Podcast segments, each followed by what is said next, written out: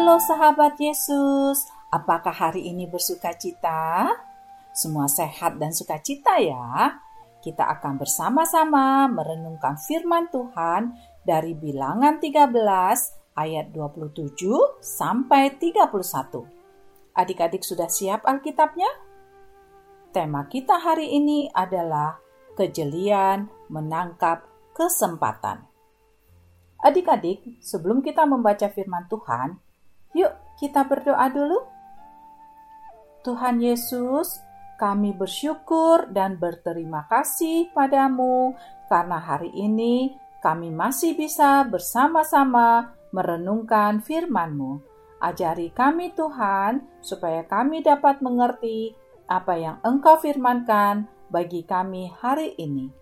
Dalam nama Tuhan Yesus, kami berdoa. Amin. Bilangan 13 ayat 27 sampai 31. Tante akan bacakan untuk kita semua ya. Mereka menceritakan kepadanya, kami sudah masuk ke negeri ke mana kau suruh kami. Dan memang negeri itu berlimpah-limpah susu dan madunya. Dan inilah hasilnya hanya bangsa yang diam di negeri itu kuat-kuat dan kota-kotanya berkubu dan sangat besar. Juga keturunan enak telah kami lihat di sana. Orang Amalek diam di tanah Negeb, orang Het, orang Yebus, dan orang Amori diam di pegunungan. Orang Kanaan diam di sepanjang laut dan sepanjang tepi sungai Yordan Kemudian Kaleb mencoba menentramkan hati bangsa itu di hadapan Musa. Katanya, "Tidak, kita akan maju dan menduduki negeri itu, sebab kita pasti akan mengalahkannya." Tetapi orang-orang yang pergi ke sana bersama-sama dengan dia berkata, "Kita tidak dapat maju menyerang bangsa itu karena mereka lebih kuat daripada kita." Demikianlah firman Tuhan. Adik-adik, masih ingat dengan keluarga bulan, bintang, dan mentari?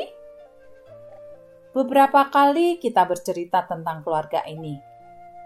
Hari ini kita akan bercerita tentang sang papa. Apa nih ceritanya? Papa Bulan diangkat menjadi ketua tim sepak bola di daerahnya. Suatu hari, Papa Bulan dan teman-temannya pergi menonton pertandingan sepak bola di gedung olahraga kabupaten.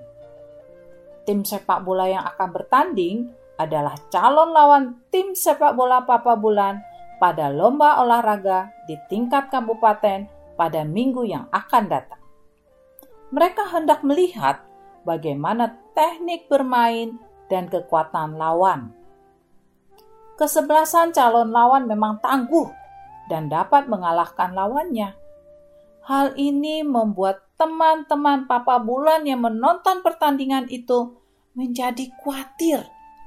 Mereka memuji-muji kekuatan pertahanannya dan kemampuan menyerang dan membobol gawang lawan.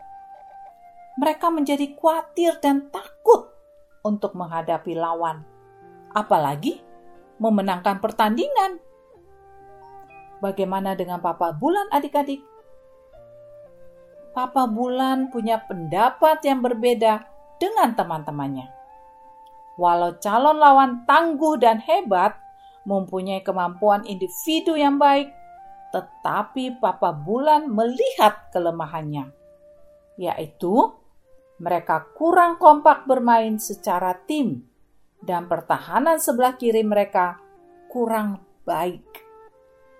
Papa Bulan menyampaikan hal ini kepada teman-temannya bahwa mereka punya kesempatan untuk mengalahkan tim lawan karena tim Papa Bulan sangat bagus dalam kerjasama serta memiliki gelandang serang dan striker yang hebat.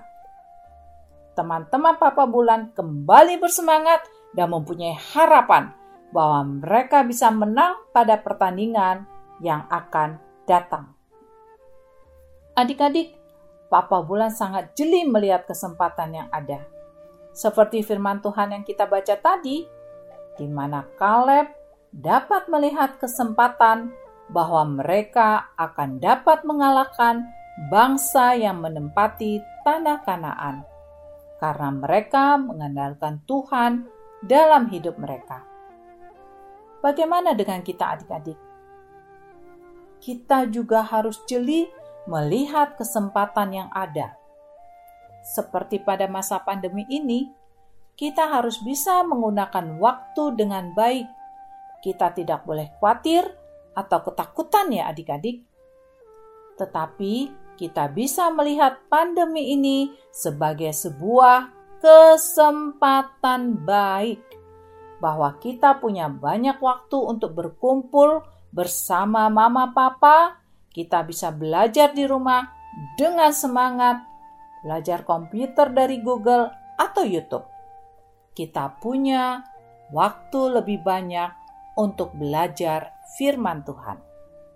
Jadi, walau kita sedang menjalani masa yang buruk, tetapi kita bisa menggunakan kesempatan ini dengan baik. Adik-adik, di dalam setiap keburukan selalu tersembunyi kesempatan baik. Yuk, kita ulangi sekali lagi di dalam setiap keburukan selalu tersembunyi kesempatan baik. Demikian renungan kita hari ini adik-adik. Mari kita berdoa. Bapa di surga, kami tahu bahwa banyak kelemahan kami yang mendatangkan ketakutan. Ajar kami untuk bisa melihat peluang dan kesempatan baik di dalam setiap hal agar kami tidak selalu dikuasai ketakutan. Dalam nama Tuhan Yesus, amin. Tuhan Yesus memberkati.